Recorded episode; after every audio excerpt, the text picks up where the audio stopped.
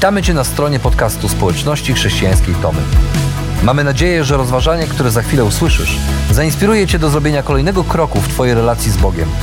Bo w naszej społeczności zapraszamy wszystkich do relacji z Chrystusem, który zmienia wszystko. Dziękujemy za Twoje zainteresowanie i zapraszamy Cię do polubienia naszego profilu na Facebooku, Instagramie i YouTubie oraz ściągnięcia darmowej aplikacji na smartfona. Dobrego słuchania.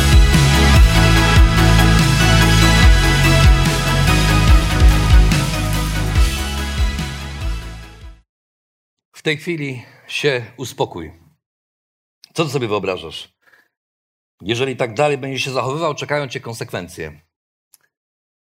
Takich kilka zdań usłyszałem jakieś kilka lat temu, sześć, siedem lat temu, pamiętam to, usłyszałem dochodzące do nas z górnego, z górnej, z, z piętra naszego domu, a ponieważ tam na piętrze nie było ani mojej żony, ani mnie nie było, więc pomyślałem sobie, coś bardzo ciekawego tam się odbywa na górze, więc poszedłem e, na górę i chciałem sprawdzić, co to takiego.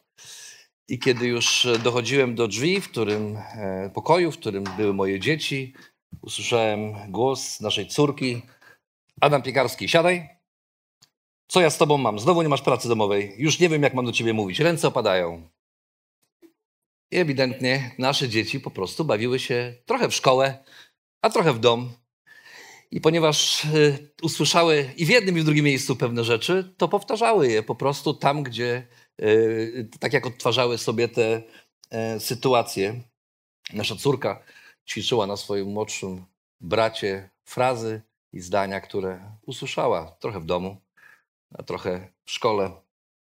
No, czy nam to się podoba, czy nie, każdy z nas jest nauczycielem dla innych i to nie jest kwestia wyboru, to po prostu efekt konsekwencji tego, że jak powiedział kiedyś angielski poeta John Donne, nikt nie jest samotną wyspą. Każdy stanowi ułamek lądu, część kontynentu. I chociaż czasem być może wolelibyśmy być raczej samotną wyspą i nie mieć wpływu na innych, i chcielibyśmy, żeby te nasze zachowania, zdania, które wypowiadamy, żeby nikim się tak specjalnie za bardzo może nie przysłuchiwał, albo jak je usłyszy, to żeby szybko zapomniał, że je powiedzieliśmy, bo nie powinniśmy byli ich powiedzieć, albo pewnym zachowaniom, które nasze zachowania czasami też chcielibyśmy, żeby one były inne niż się faktycznie wydarzają, to jednak tak to już jest, że życie układa nam się przez relacje E, a ponieważ układa się przez relacje, to w tych relacjach, będąc ze sobą blisko, mamy na siebie wpływ.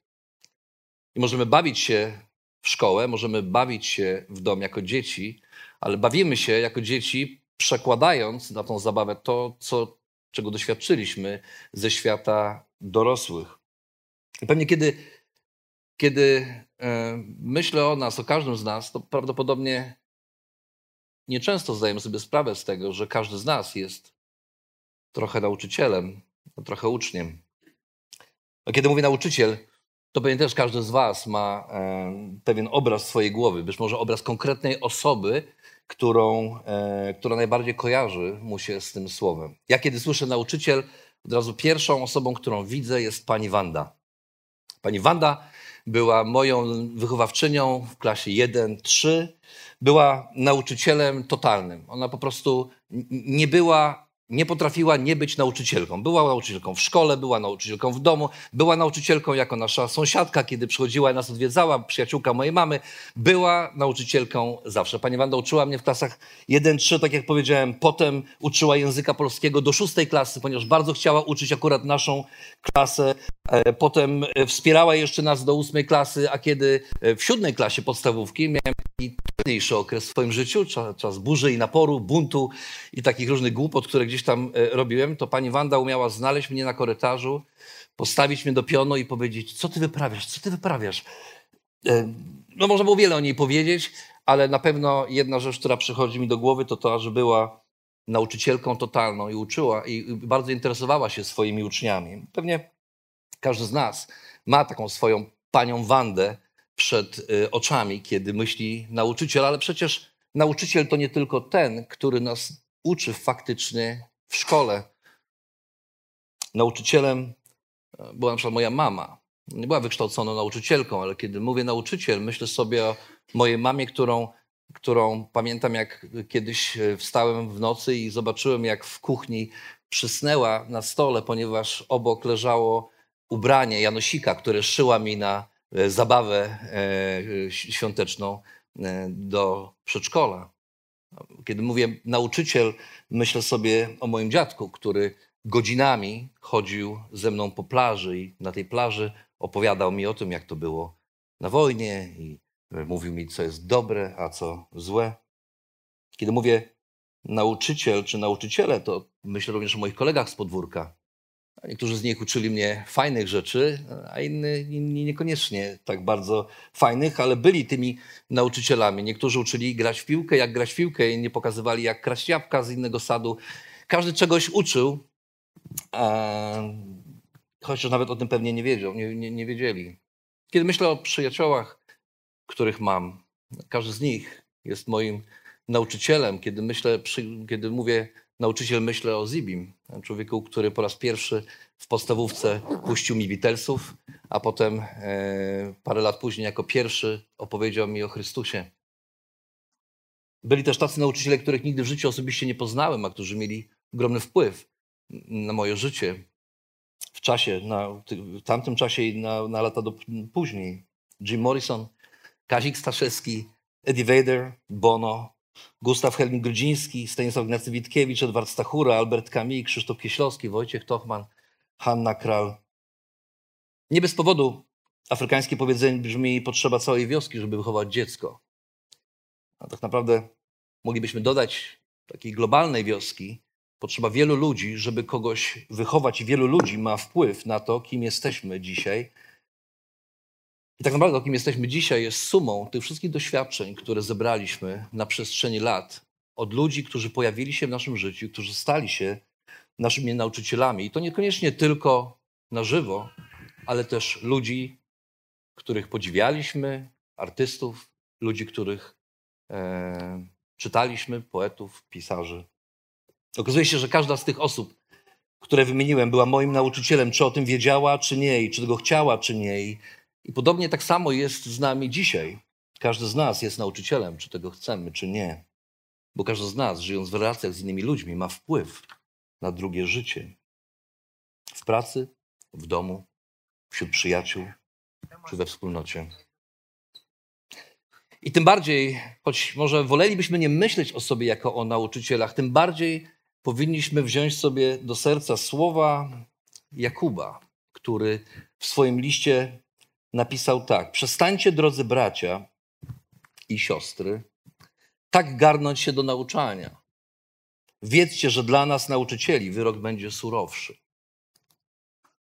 Jak przestrzega nas przed tym, żebyśmy pochopnie, zbyt pochopnie nie stawali się nauczycielami słowa dla innych, żebyśmy zbyt pochopnie nie, nie, nie byli ludźmi, którzy e, wykładają innym Słowo Boże, ponieważ to wiąże się z dużo większymi konsekwencjami, niż nam się to czasami e, wydaje. I z, tymi, e, z tym byciem kaznodzieją, czy byciem osobą, która wykłada innym słowo prawdy, wiążą się też, e, wiąże się ogromna odpowiedzialność, ale też czeka nas bardziej surowa ocena przed obliczem samego Boga. I być może w tym miejscu wielu z nas odetchnęłoby z ulgą i powiedziałoby, a fajnie, bo to nie do mnie, to w takim razie pewnie może do Rafała, może do Adama, może do tych wszystkich innych nauczycieli, którzy stają tutaj przed nami co niedziela i próbują nam wyłożyć to Boże Słowo. I to, to prawda, ale, ale dalsza część tego fragmentu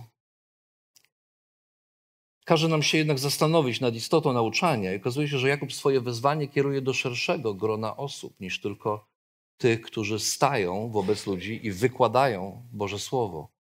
Już zupełnie odkładając na bok całe rozważanie o tym, że każdy z nas, jako osoba wierząca, ci z nas, którzy poszli za Chrystusem, jesteśmy powołani do tego, aby to Słowo Boże, które znamy, aby umieć je wyłożyć każdemu innemu człowiekowi, aby żyć Słowem na co dzień i aby to, to Słowo umieć też innym opowiedzieć. Więc nikt z nas, nawet w świetle takiego typowego nauczania. Nikt z nas nie jest z tej odpowiedzialności zwolniony, ale Jakub pokazuje kawałek dalej, dlaczego to wezwanie dotyczy każdego z nas. Bo każdy z nas jest nauczycielem słowa na dwa sposoby. I na te dwa sposoby wpływa na ludzi wokół nas. I po pierwsze, Jakub mówi tak: wszyscy potykamy się w wielu sprawach. Ten jednak, kto nie uchybia w mowie, jest człowiekiem doskonałym. Potrafi on utrzymać w ryzach całe swoje ciało. Gdy koniom zakładamy wędzidła, aby nam były posłuszne, to kierujemy całym ich ciałem. Okręty również, choć są ogromne i poruszane przez potężne wiatry za sprawą niewielkiego steru, płyną tam, dokąd je kieruje wola sternika. Podobnie język jest małym członkiem, a szczyci się z wielkich spraw. Jakub mówi, wszyscy jesteśmy nauczycielami z powodu słów, które wypowiadamy. I tak naprawdę dzisiaj, kiedy czytamy ten fragment, to dotyczy też tych z nas, którzy idą za Chrystusem, ale to dotyczy tych z nas, którzy dzisiaj jesteśmy tutaj, niekoniecznie mamy z Bogiem cokolwiek wspólnego. Może, może szukamy Go, może przyszliśmy tu, bo ktoś z naszych znajomych nas zaprosił i już nie chcieliśmy odmawiać po raz kolejny i w końcu zdecydowaliśmy się przyjść dla świętego spokoju. Gdziekolwiek jesteś w życiu, tak naprawdę ten fragment, on też stosuje się, ma zastosowanie do ciebie, bo czyny znaczą więcej niż słowa, to prawda. Ale słowa bardzo często wyprzedzają czyny. I nasz język, jak się okazuje, choć niewielki, podobno waży tylko 85 gram, ma moc kierowania i kontrolowania rzeczywistości.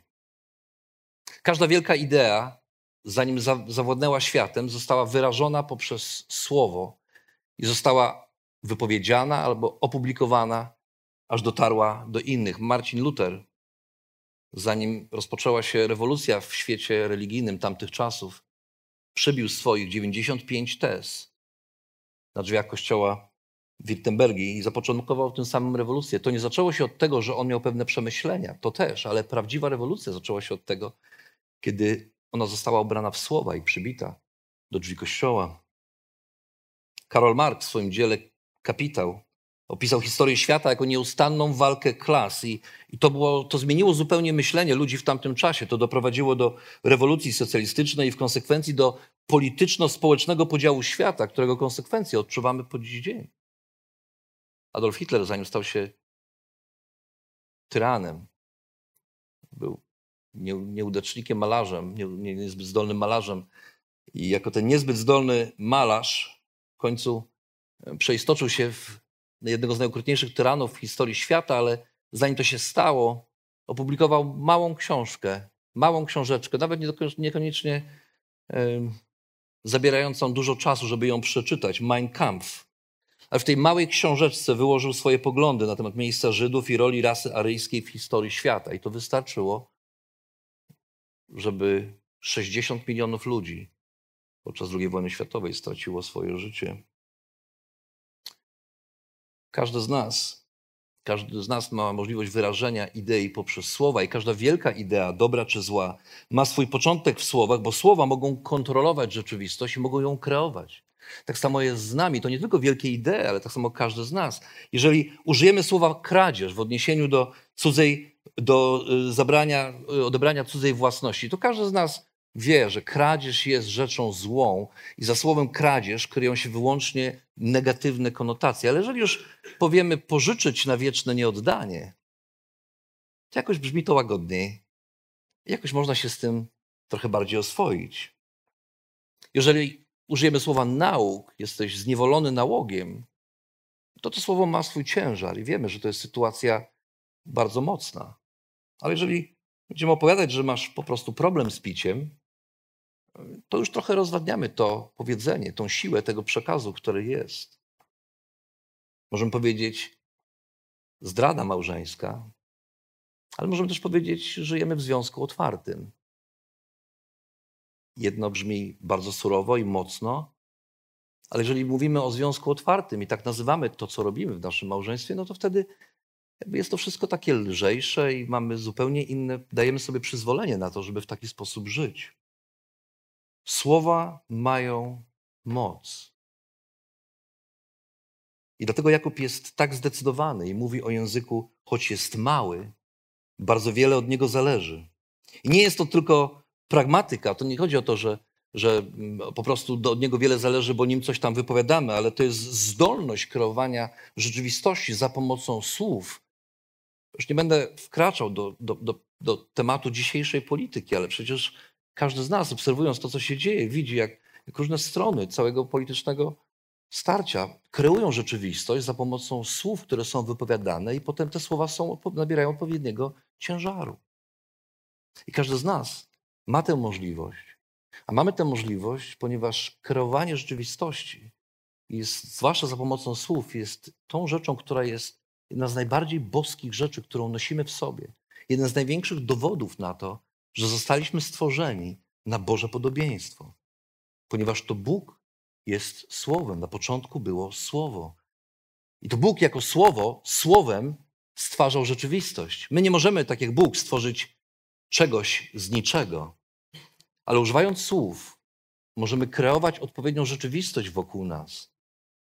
I to nas różni od zwierząt, to nas różni od roślin. One tego nie potrafią, a człowiek tak. I dlatego ten, kto kontroluje język, pisze Jakub, jest człowiekiem doskonałym, dojrzałym. Nie ten, który jest szczerym aż do bólu. Czasami mówimy, no ja jestem taki szczery, ja to nigdy niczego nie ukrywam. Okej, okay, ale to nie o tym mówi Jakub.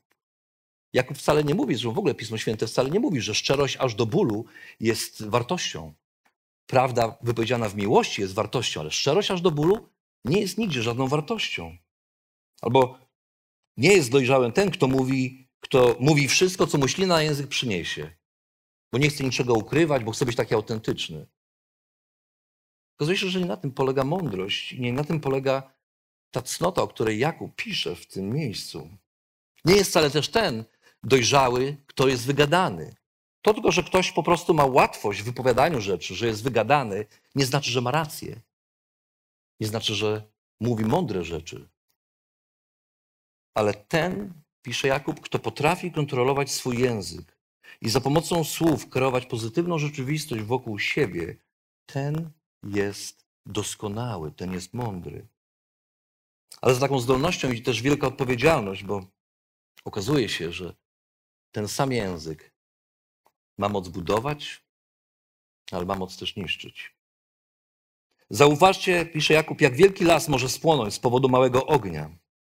Język jest właśnie takim ogniem, światem nieprawości pośród naszych członków. Plami on całe ciało i rozpalony przez zło miejsca kary wprawia w ruch koło najniższych skłonności. Bo wszelki rodzaj dzikich zwierząt, ptaków, płazów, stworzeń morskich da się ujarzmić i człowiek już to uczynił. A jednak nikt z ludzi nie ujarzmił jeszcze języka tego krnąbrnego zła, pełnego śmiercionośnego jadu. Sławimy nim Pana i Ojca i przeklinamy nim ludzi stworzonych na Boże podobieństwo. Z tych samych ust wychodzi błogosławieństwo i przekleństwo. Tak, drodzy bracia i siostry, być nie powinno.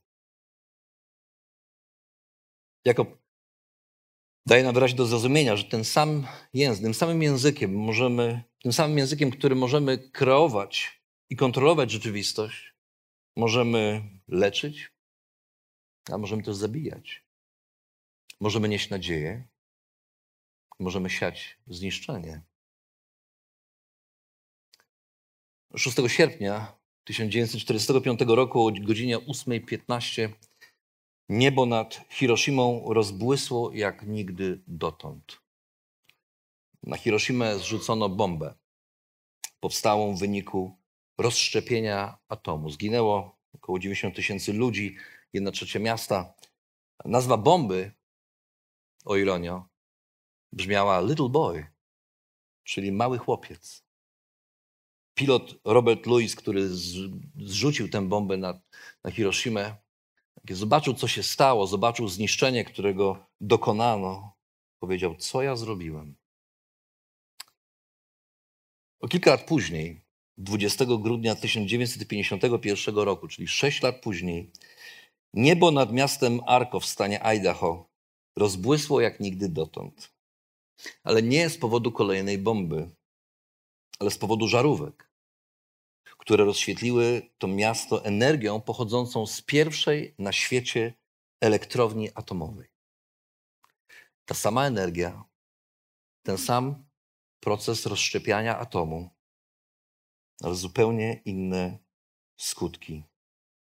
Bo to nie uran sam w sobie był problemem, nie proces wytwarzania potężnej energii był problemem, ale cel, do którego został użyty, był problemem.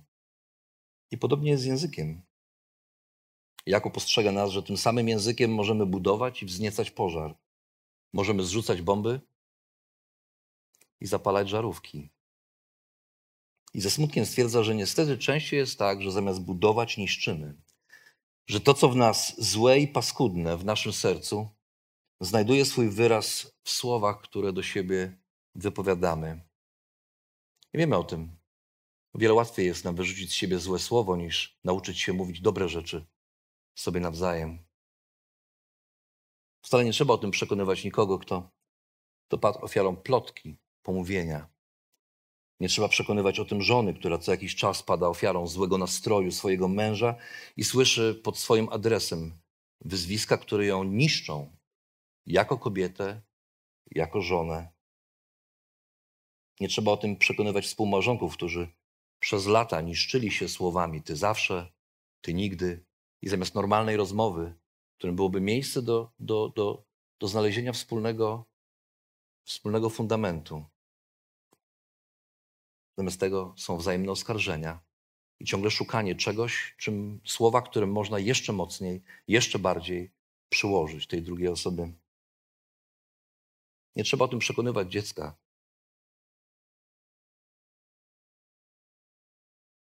Które na każdym kroku słyszy, że jest durne, że nic z niego nie będzie. Ci z nas, którzy takie słowa usłyszeli w dzieciństwie, wiecie, jak te słowa niosą się z nami przez całe życie. I wcale nie trzeba przekonywać ani takiego dziecka, ani dorosłego, który te słowa usłyszał w dzieciństwie na swój temat, że ten język może być dobrą rzeczą, ale może być też czymś, co niesie prawdziwe zniszczenie. Słowa mają moc, zniszczyć mogą szybko, ale mogą też niszczyć powoli, przez długie lata. Mogą niszczyć, niszczyć i niszczyć. I tak jak się mówi dzisiaj, że czegoś nie można odzobaczyć, tak samo czegoś nie można odsłyszeć, bo są takie słowa, które zapadają tak głęboko w serce, że ciągną się za nami przez całe nasze dorosłe życie i tylko Bóg ma moc, żeby w miejscu, w którym te słowa nas raniły, aby na nowo mogły pojawić się słowa, które potrafią tą dziurę zniszczenia wypełnić czymś pięknym, Słowa mają moc i to, jak używamy języka, definiuje rzeczywistość, jaką wokół siebie kreujemy. Narzekania, obwiniania, obmawiania, wyśmiewania, wywyższania, niewdzięczności. A to, jaką rzeczywistość wokół siebie kreujemy, ma wpływ na to, jakich ludzi wokół siebie wychowujemy. I dlatego Jakub pisze nie tylko do mnie i nie tylko do nas jako nauczycieli Bożego Słowa, ale do każdego z nas, bo wszyscy tymi nauczycielami jesteśmy dla innych. I mówi: uważajcie, uważajcie. Podobno każdy z nas wypowiada dziennie tyle słów, że wystarczyłoby ich na zapisanie 50 stron książki. Może niektórzy z nas wypowiadają więcej, może piszą po prostu dłuższe książki. A jeżeli tak jest, to każdy z nas ciągu tygodnia pisze swoimi słowami kolejną powieść. I gdybyś spojrzał na ten ostatni tydzień, jaką książkę napisałeś w tym ostatnim tygodniu swoimi słowami? Bo kiedy otwieramy nasze usta, stajemy się nauczycielami dla innych ku zachęcie albo ku zniszczeniu. Jednak myliłby się ten, kto pomyślałby, że tylko za pomocą słów uczymy innych, albo że tylko za pomocą słów wpływamy na innych. Jakub pisze dalej: Kto między wami jest mądry i uczony, niech dowiedzie tego szlachetnym życiem codziennym, tym, że jego czyny wypływają z łagodności cechującej mądrość.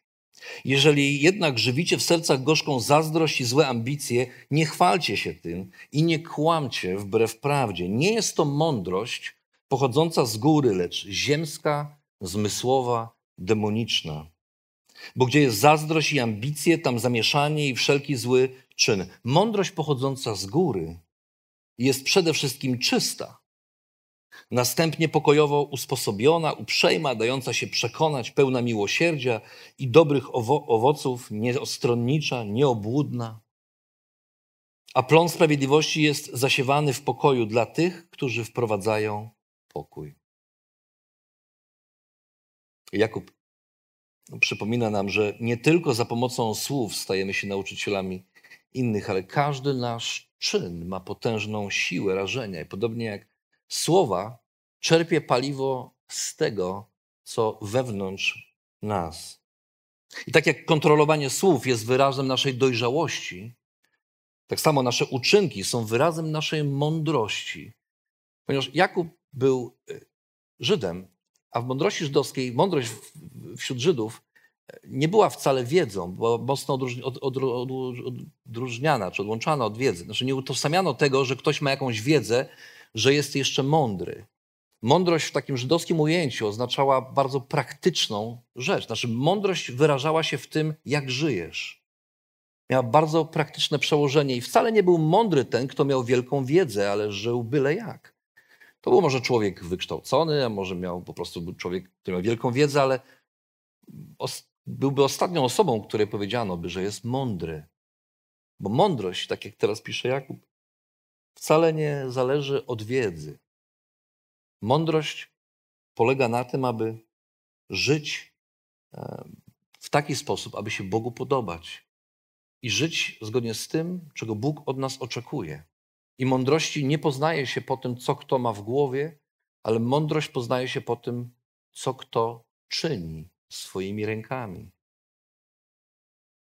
Dlatego Jakub rzuca wyzwanie i mówi: Uważacie siebie za mądrych? No to pokażcie. Pokażcie to w życiu codziennym poprzez swoje uczynki. I pokazuje dwa rodzaje mądrości. Jeden to ten, który czerpie z ludzkich ambicji i namiętności. Te wszystkie rzeczy, które robimy, bo są nam wygodne, bo nam służą, bo są dla nas fajne. To jest jeden typ mądrości. Nawet Jakub mówi o tym, to jest pewien rodzaj mądrości, ale to jest mądrość ziemska, mądrość, do której nie powinniście aspirować. A potem mówi, są, jest inny rodzaj mądrości. I to jest ten, który czerpie z łagodności, przepraszam, z pokory, niosąc pokój i sprawiedliwość. I jeżeli tak jest, że naszymi słowami piszemy książkę, to naszymi czynami, możemy powiedzieć, kręcimy film. I gdyby tak ktoś przyłożył kamerę taką niewidzialną kamerę, która byłaby nad tobą przez cały czas, gdziekolwiek jesteś i cokolwiek robisz. Nikt o niej nie wie, tylko ona jest. I kręci film. A po tygodniu masz możliwość obejrzeć ten film z ostatniego tygodnia. To jaki to byłby film? Film niosący pokój dla innych? Czy może film, który świadczy o chaosie w Twoim życiu?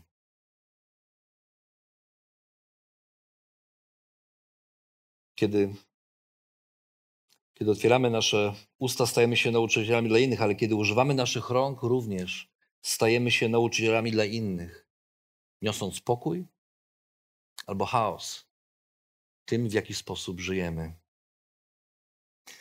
I nasz problem, niestety, jako ludzi, polega na tym, że Nasz język czerpie e, z wnętrza naszego serca, o którym Pismo Święte mówi, że jest złe i zwodnicze.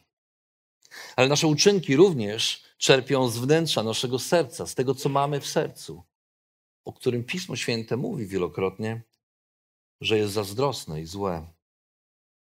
I dlatego Jakub w tym jednym zdaniu, które już usłyszeliśmy, mówi sfrustrowany, tak być nie powinno. To brzmi jak, jak, jak wołanie sfrustrowanego rodzica, który próbuje przywołać do porządku swoje dzieci. Mówi, brakuje mu słów, argumentów. Mówi, słuchajcie, no po prostu tak nie można. Tak nie wolno. A jednocześnie mówi, to niemożliwe dla człowieka. To prawda. My jako ludzie nie mamy zdolności do tego, żeby sięgając do, do własnego serca, nieprzemienionego serca, mówić rzeczy dobre, i robić rzeczy, które się Bogu podobają. Dlatego Jakub kieruje nasze myśli ku górze. Mówi o tej mądrości, która pochodzi z góry, że trzeba tam się zwrócić, że spojrzeć i czerpać trzeba z tej mądrości, niekoniecznie z tej mądrości, którą mamy w sercu od lat. To jedno. Ale Jakub mówi: Nie, nie, nie. Lepiej jest sięgnąć do tej mądrości, która pochodzi od Boga. Że dopiero wtedy, kiedy to Bóg będzie kontrolował nasze serce, nasze wnętrze, mamy szansę być błogosławieństwem dla innych i nieść pokój innym. Bo mądrość pochodząca z góry, pisze Jakub, jest przede wszystkim czysta, następnie pokojowa, uspokojowo usposobiona, uprzejma, dająca się przekonać, pełna miłosierdzia i dobrych owoców, niestronnicza i nieobłudna.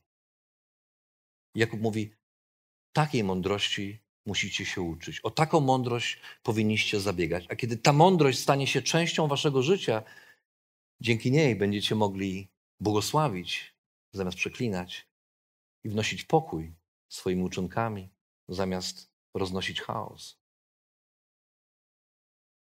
Kilka lat temu jeden z moich ulubionych pisarzy, Wojciech Tochman, opowiedział taką anegdotę. Napisał artykuł, e, to właściwie był fragment jego książki, e, ostatniej książki. I napisał, e, ten, czy fragment tej książki zamieścił w magazynie Kontynental. Zanim go zamieścił, wysłał Hannie Kral, która była jego mistrzynią i prowadziła go przez lata. Właściwie to dzięki niej stał się reporterem, to ona kazała go natychmiast przyjąć do, do Gazety Wyborczej, kiedy napisał swój pierwszy y, krótki tekst i kazała go przy, przyjąć bezwarunkowo. Po prostu on musi być, bo ktoś taki trafia się raz na jakiś czas. No więc Wojtek Tochman y, y, dał jej ten tekst do sprawdzenia i Hanna Kral, y, czytając ten pierwszy akapit jego tekstu, przeczytała: Ja akurat teraz idę z jej prądem z północy z Laosu. Akurat? Teraz? Mówi do niego: Za dużo r, panie Wojtku. Za dużo w jednym zdaniu. Akurat teraz z prądem. Jak ja pana uczyłam? I Tochman dodaje w komentarzu: Mówi, faktycznie miała rację. Trzeba było wykreślić słowo teraz i wszystko brzmiałoby właściwie. I myślę sobie, że skoro e, doświadczony reporter, który ma już za sobą uznanie i mnóstwo dobrych książek, które napisał i zostały przetłumaczone na wiele języków świata, potrafi przyjść do swojej mistrzyni i powiedzieć: Pani Haniu, Pani Hanno, niech Pani jeszcze raz spojrzy na ten tekst i powie, czy coś tu można by poprawić. Jeżeli uznany pisarz może ciągle mieć swoją nauczycielkę, to ile bardziej my, wierzący ludzie, powinniśmy pozwolić Bogu stać się naszym nauczycielem i kontrolować nasze serce, a wtedy nasze książki, które piszemy własnymi słowami, będą absolutnymi bestsellerami. A filmy, które kręcimy naszymi czynami, zawsze będą zasługiwać na Oscara. Dlatego zanim staniesz się nauczycielem dla innych, pozwól Bogu stać się Twoim nauczycielem i pozwól Mu kontrolować Twoje serce.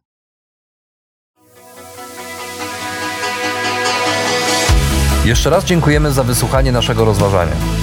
Jeżeli mieszkasz w okolicach Tomaszowa Mazowieckiego lub Łodzi, zapraszamy Cię do odwiedzenia nas na niedzielnym nabożeństwie. Więcej informacji znajdziesz na stronie schatomy.pl.